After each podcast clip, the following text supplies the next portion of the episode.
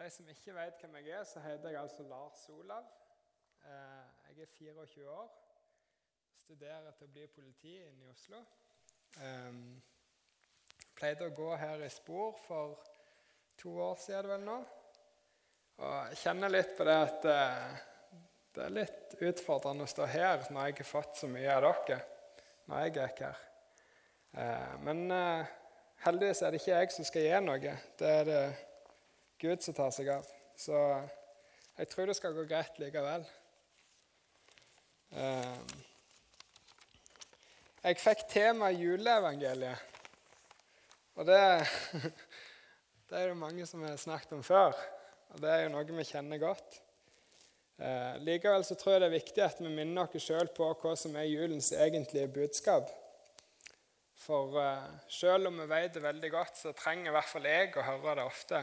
Og jeg må høre det hvert år selv om jeg vet det utrolig godt. Og Derfor er jeg veldig takknemlig for at jeg fikk lov å ha om det. fordi at da har det gjort at jeg måtte sette meg ned med juleevangeliet og se litt annerledes på det. Eller ikke annerledes, men jeg har vært nødt til å dykke litt i det. Eh, for mange, og sikkert flesteparten i den vestlige delen av verden, så handler julen stort sett om gaver, eh, mas, stress, eh, julebord. Det er sesong for store inntaksmengder av alkohol. Som politi er julebordsesongen den kanskje travleste tida i året. Det er da de må ha mest utrykninger. og eh, Du virkelig får se baksiden av medaljen med det å rave rundt full. Eh, og Av den grunn så har det i kristne sammenhenger ofte blitt sagt at, eh, eh, at julens egentlige budskap handler ikke om gaver. Eh, og Det er faktisk en påstand som jeg er dypt uenig i. Fordi at julens budskap handler nemlig om en gave. Det handler om Guds gave til menneskene, Jesus Kristus. Eh, og det skal jeg si litt om i kveld. Hva det vil si at Jesus er en gave, og hvorfor gaver faktisk, eller gaven er veldig viktig i julebudskapet. Jeg skal lese et vers fra Lukas 2,11, som vi nettopp hørte fra evangeliet, eller juleevangeliet. I dag er det født der en frelser, som er Messias, Herren, i Davids stad. Dette er gaven det er snakk om. Det er født en frelser til jord, en som skal komme og gjøre opp for alt det som menneskene roter seg bort i. En som skal komme og gjøre opp for relasjonene som er blitt brutt en stor gave. Eh, den siste tida på skolen så har jeg hatt masse eksamener. Eh, og i eksamenslesning så er definisjon et ord som jeg eh, måtte lære meg å bruke, fordi det hjelper deg å huske. Og For å forstå hvorfor Jesus kan omtales som en gave, så har jeg vært nødt til å definere hva en gave er. Definisjonen min på en gave er at en gave er noe du får uten å gjøre noe for det. Det er noe du får ufortjent. Helt gratis. Eh, I motsetning til fortjeneste eller lønn, som man må gjøre noe for. Man får kanskje høyere lønn enn fortjent, men likevel så har man gjort noe for å få den lønna. Så er en gave noe du får helt gratis. Eh, og Jesu liv er en gave som vi får ufortjent av nåde. Eh, men hva innebærer Jesu gave? Hva er det man får? Da har jeg eh, konsentrert meg om noen få vers. Det er utallige vers man kan nevne, men noen som jeg er veldig glad i, som har talt og sagt veldig mye til meg. Eh, det første finner du i Ordspråkene 8.35. Der sier Jesus, og det er et utrolig flott kapittel, for det, det står så direkte. Det står så mye eh, Måten det er skrevet på, er så fra Jesus til deg. Det står i jeg-form. Jeg er veldig glad både i sanger og alt der du, der du liksom sier 'jeg gir deg', f.eks. Eh, og her sier Jesus 'Den som finner meg, finner livet og får nåde hos Herren'. Jesus som gave innebærer altså liv. Eh, det motsatte er død. Liv, det er noe bra. Vi så en eh, film før talen nå. Eh, og jeg må innrømme at jeg er en sånn person som lett blir litt rørt. Og jeg syns det var så stort å se Guds skaperverk. Du får se så mye liv. Du ser at det er en som har kontroll på det, en som tar vare på det. Eh, den som finner meg, finner livet og får nåde hos Herren. Neste Jesu liv innebærer, det er tro. Eh, det er jo noe man ofte sier at eh, det eneste du trenger å gjøre som kristen, det er å tro. Så får du alt det andre. Der vil jeg at man skal Hvis dere hører sånn, så er det som regel taleren som, eh, som sier det litt feil. Fordi at troen er heller ikke noe vi gjør. For da hadde det jo vært en fortjeneste. Men troen er en gave. Eh, da kan du slå opp eh, Efeserne 2,8. Eh, av nåde er dere frelst ved tro, og dette er ikke av dere selv, men en Guds gave. Nåden er gave, og troen er en gave. Det er Gud som skaper troa i et menneske. Det tror jeg ofte man glemmer. Man glemmer å tenke på hva som gjør at jeg begynte å tro. Men det er Gud som skaper.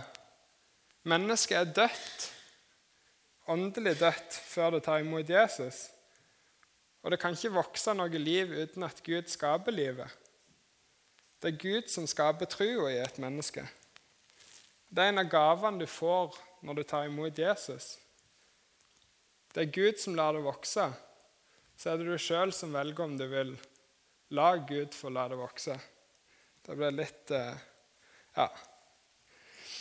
Eh, Jesus som gave innebærer en forandring. Du kan ta opp neste. 2. Korinterne 5,17.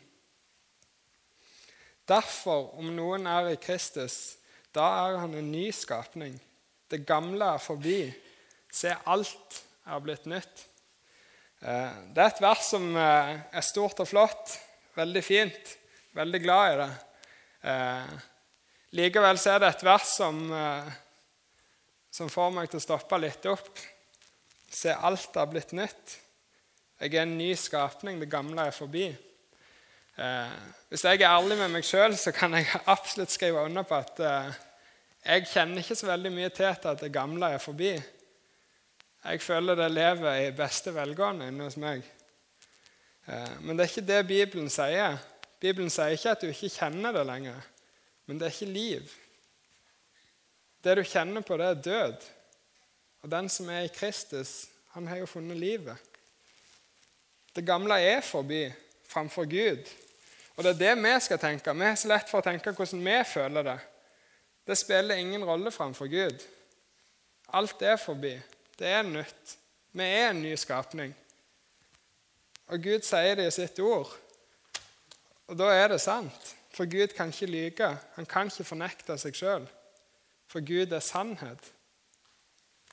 Og Det er jo noe vi har hatt mye om på skolen når vi har hatt vitenskapsteori og forskningsmetode. Hva er sannhet? Eh, de gamle grekerne og frittenkerne i det gamle Hellas eh, de var veldig opptatt av hva er sannhet. Er det noe som virkelig er sant?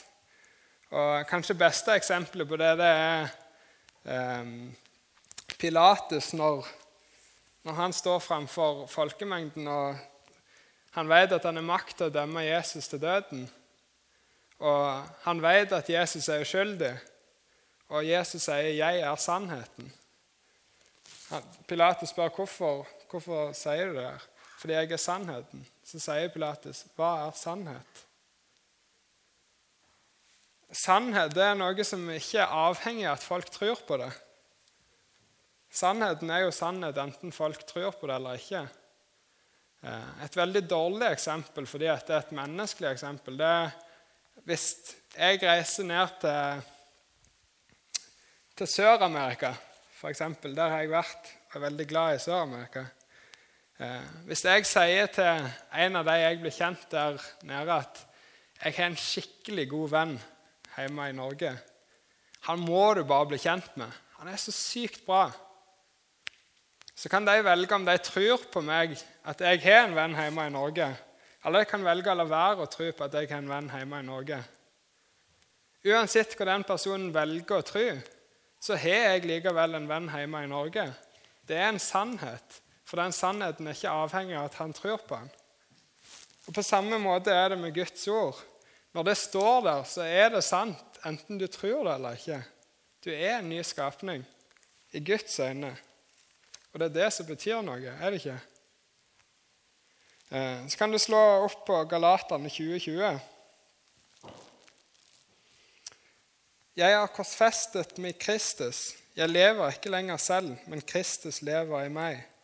Det liv jeg nå lever i kjødet, det lever jeg i troen på Guds sønn, han som elsket meg og ga seg selv for meg. Eh, det, litt, det går på det samme som forrige verset, det er at du er en ny skapning. Det er skjedd noe med deg. Det er ikke lenger sånn at uh, du lever et liv for deg sjøl. Som kristen så lever man et liv for Jesus. Man er korsfesta med Jesus, og man er stått opp med Jesus. Man døde med Jesus, og man lever med Jesus. Det går ikke an å gjøre begge deler. Det går ikke an å både være død og levende på samme tid. Og det er jo en betryggende ting å vite, å vite syns jeg. Fordi at da slipper jeg å gå rundt og engste meg for om jeg egentlig kristen. Fordi at Bibelen sier det så enkelt at den som tror på Jesus, den som tror at Jesus døde for sine synder og sto opp igjen, han skal bli frelst. Den som ved sin munn bekjenner og i sitt hjerte tror, står det. Og Da handler det ikke så mye om jeg føler meg som en kristen. For det er ikke det det går på. Det er om du er en kristen. Og det, det er så betryggende å tenke på at det er, ikke, det er ikke meg det kommer an på. Det er det Jesus gjorde. Det er det julens budskap handler om. Det er det Jesus gjorde. Eh, så har man Eh, I hvert fall har jeg, og jeg tror det er noe som egentlig gjelder alle kristne, det å Man vet det så godt at man er en ny skapning. Man vet det så godt at Jesus døde for mine synder. Man vet det så godt at uh, framfor Gud så er man rettferdig. Men likevel så lurer vi oss sjøl til å tro at Men jeg er jo fortsatt syndig og fæl og på ingen måte vakker. Uh, et av mine favorittvers i Bibelen som jeg ofte må gå tilbake til for å lese det og ta det til meg, eh, det er et vers som står i Høysangen 4.7. Der sier bruden, eller brudgommen til bruden at alt er vakkert med deg. Det finnes ingen lyte på deg. Eh, og det er litt sånn Hæ? Hvordan, eh, hvordan går det an? Jeg eh, gjør jo ingenting som er godt nok for deg, Gud. Hvordan eh, En ting er at jeg er vaska rein, men at jeg er vakker. At du har behag i meg. I vers 14 i, i juleevangeliet så leser vi det at, at englene synger 'Ære være Gud i det høyeste og fred på jorden', i mennesker Guds velbehag. Guds velbehag. Menneskene er Guds velbehag. Det skurrer litt for meg. Jeg jo, gjør jo alt annet enn det som Gud vil at jeg skal gjøre. Det jeg vil, det gjør jeg ikke. Det jeg ikke vil, det gjør jeg. Som Paulus sier. Hvordan kan det da stemme at Jesus sier at alt er vakkert med deg. Det finnes ingen lyte på deg. Eh, det er fordi man er en ny skapning. Alt er nytt, selv om du ikke føler at det er nytt. Eh, ta en, eh, en, blind person. Dette er et eksempel jeg kom på akkurat nå, så det kan hende at det ikke er så bra. Men eh, jeg prøver meg for det. Eh, ta en blind person som eh, blir kjørt til skolen hver dag. Han kjører i ei sinnssykt skranglete, fæl bil. Masse ulyder og all slags. Det er rett før han detter sammen. Og Så er det en dag en person som uh, finner ut at han her skal få en ny bil. Splitter ny, som det ikke er noen ting galt med. Det er ingen lyter på han. Han er bare nydelig og vakker. Uh, den blinde personen den ser ikke denne nye bilen. Og Kanskje føles denne bilen helt lik ut å sitte i. Kanskje er det en kabriolet, så du hører fortsatt litt ulyder. og sånt. Men likevel så er det en ny bil du kjører i. Han er, det er uten mangler på han. Og Sånn er det litt for oss òg. Framfor Gud så er du vakker. Du er nydelig i Guds øyne. Det er ikke bare noe Gud sier bare sånn Ja, du er vakker, men du er, du er fæl òg. Nei, du er vakker, du er uten lyte. Du er vaska rein. Du er en ny skapning. Eh, vi ser det ikke sjøl, men vi kan tro det. Med Guds nåde så er det mulig. Men så glemmer man det. Eh, altså, Jesus som gave, det er fantastisk. Og Så blir neste spørsmålet hvem er Jesus en gave til? Eh, Fasitsvaret på det er jo selvfølgelig alle. Men eh, er det likevel sånn? Jeg skal lese en uh, tekst fra Lukas 5, 30-32. Uh, der står det fariseerne og deres skriftlærde knurret da mot hans disipler og sa:" Hvorfor eter og drikker dere sammen med tollere og syndere? Men Jesus svarte og sa til dem:" Det er ikke de friske som trenger lege, men de som har det ondt. Jeg er ikke kommet for å kalle rettferdige, men syndere til omvendelse.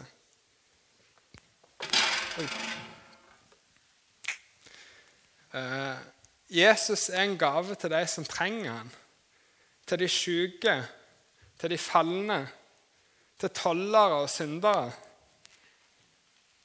Det er, Som en kristen så er det fort gjort å tenke at det gjelder jo alle. Alle er jo tollere og syndere. Det har vi jo lært helt siden vi var små.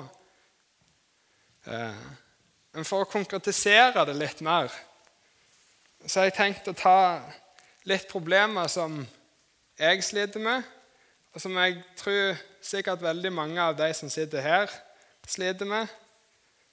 Og så kan dere tenke sjøl hva som gjelder i deres liv. Eh, Jesus han er en gave til de som sliter med pornografi. Han er en gave til de som sliter med at de bruker altfor mye tid på Facebook. Han er en gave på de som engasjerer seg så mye i menigheten at Jesus blir litt glemt, for det er menigheten som gjelder. Jesus er en gave til de som ikke ber nok, de som ikke leser nok. Eh, Lista er uendelig lang, og hver enkelt som sitter her, vet hva som presser på i deres liv. Dere vet hva dere trenger hjelp til. Eh, men denne lista viser at Jesus han er for alle. Men så sier, så sier, Jesus det at han er ikke kommet til verden for å kalle rettferdige til omvendelse, men til for syndere. Eh. Og så tenker vi ja, men alle er jo syndere. Alle er vi falne. Ja, er det. Men hvorfor, hvorfor er han så opptatt av det? Hvorfor er det bare de, de falne det gjelder? Er det, hvorfor er han så nøye på det? Og Da er en av de tingene som, som jeg Når jeg ikke har lest gjennom evangeliet eller juleevangeliet mange ganger. Eh, så er det blitt at jeg har lest videre enn bare de første 20 versene. Eh, og i kapittelet der så, så blir du kjent med en person som heter Simon. En gammel mann går jeg ut ifra fordi at teksten sier at han er det. Så da regner jeg med at det er sant. Men han hadde fått et løfte fra Gud. At han skulle ikke dø før han så Messias, den levende Messias. Eh, og Da kommer man en liten profeti om Jesus.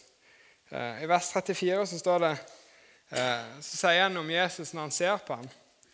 Se, denne er satt til fall og oppreisning for de mange i Israel. Se, denne er satt til fall og oppreisning. Eh, som jeg sa tidligere, så, så, hvis man er ærlig med seg sjøl, så ser man at man er fallen. Hvis man går til Gud og sier det akkurat sånn som det er, uansett hva slags problem man sliter med, så ser man at jeg er falt. Og det er nettopp det som er i møte med Jesus. Så ser du at du er falt. Men det står òg det at han var til oppreisning. Og det syns jeg er så flott. Det er, det er, så sterkt å se. Fordi at man er nødt til å falle for å bli oppreist. Jesus kan ikke reise opp en som allerede står. Det sier seg litt sjøl, men man glemmer det kanskje. Man tenker at først må jeg bli kvitt problemene mine før jeg kan reise meg opp. Men du greier ikke å reise deg opp sjøl. Det er umulig.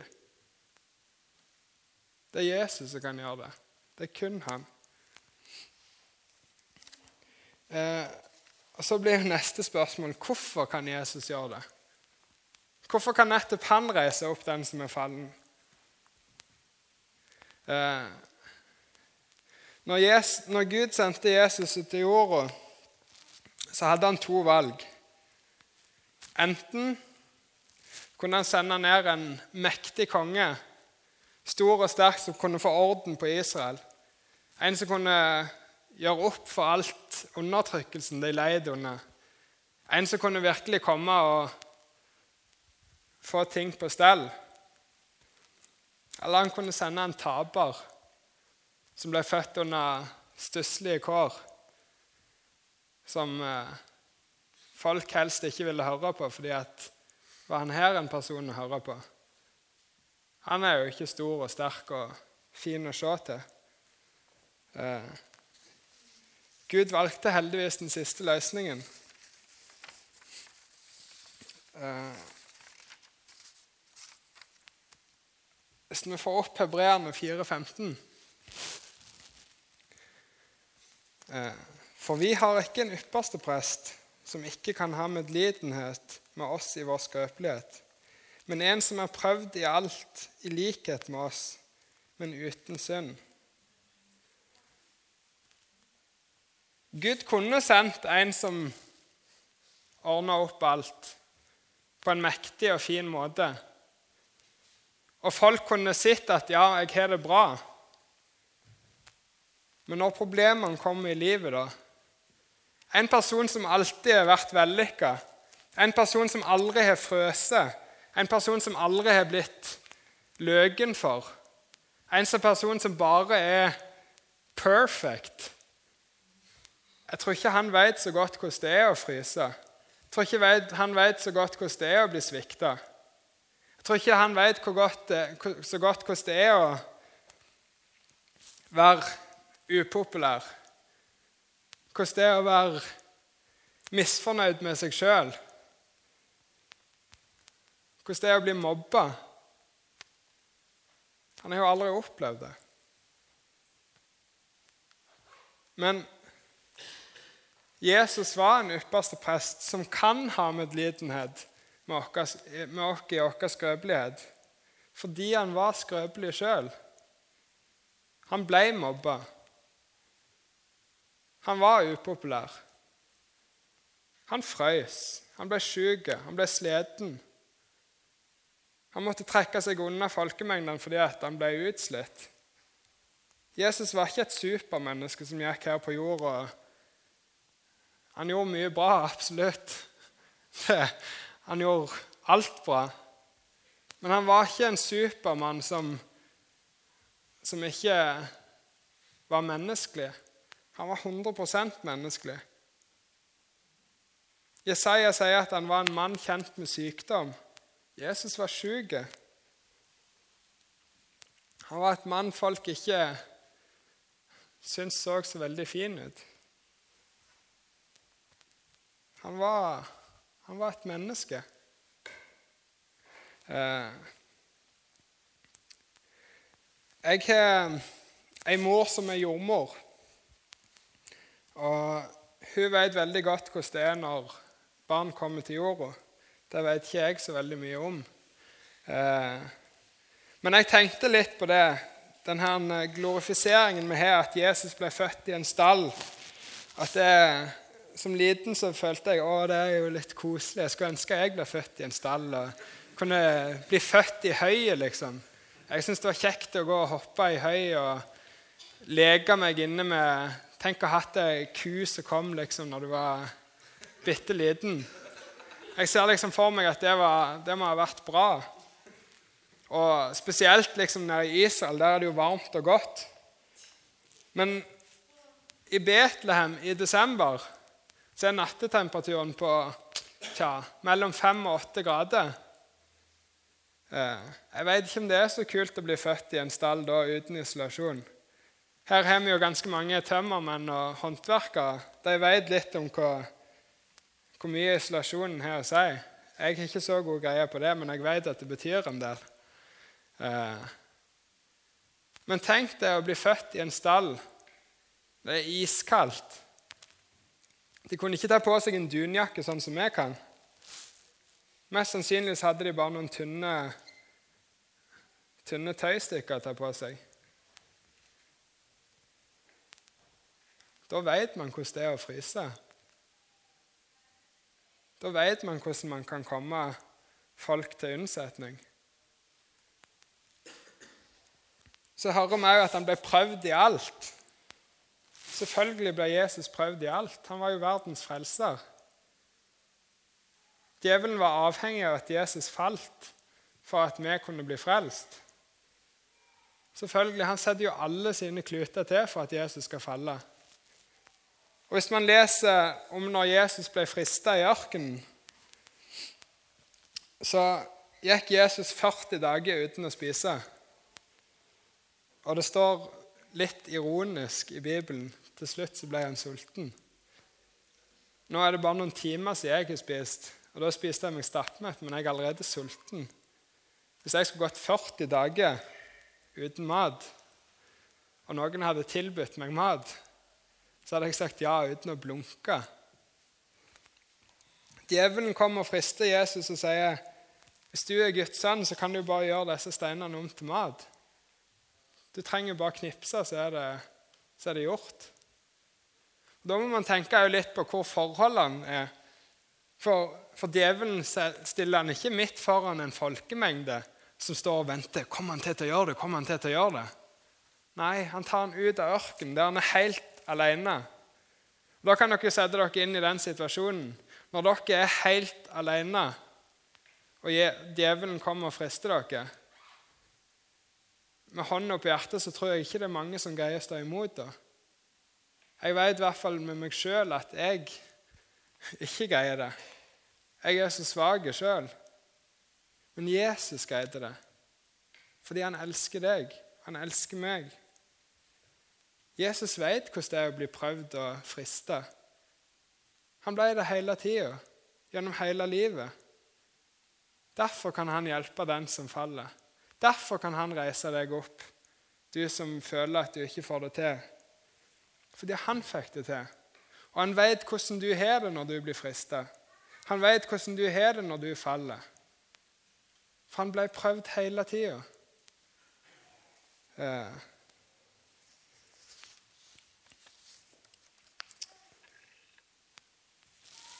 Jesus var sjøl nede. Jesus var død. Men Jesus sier òg sjøl i sitt ord at han er livet.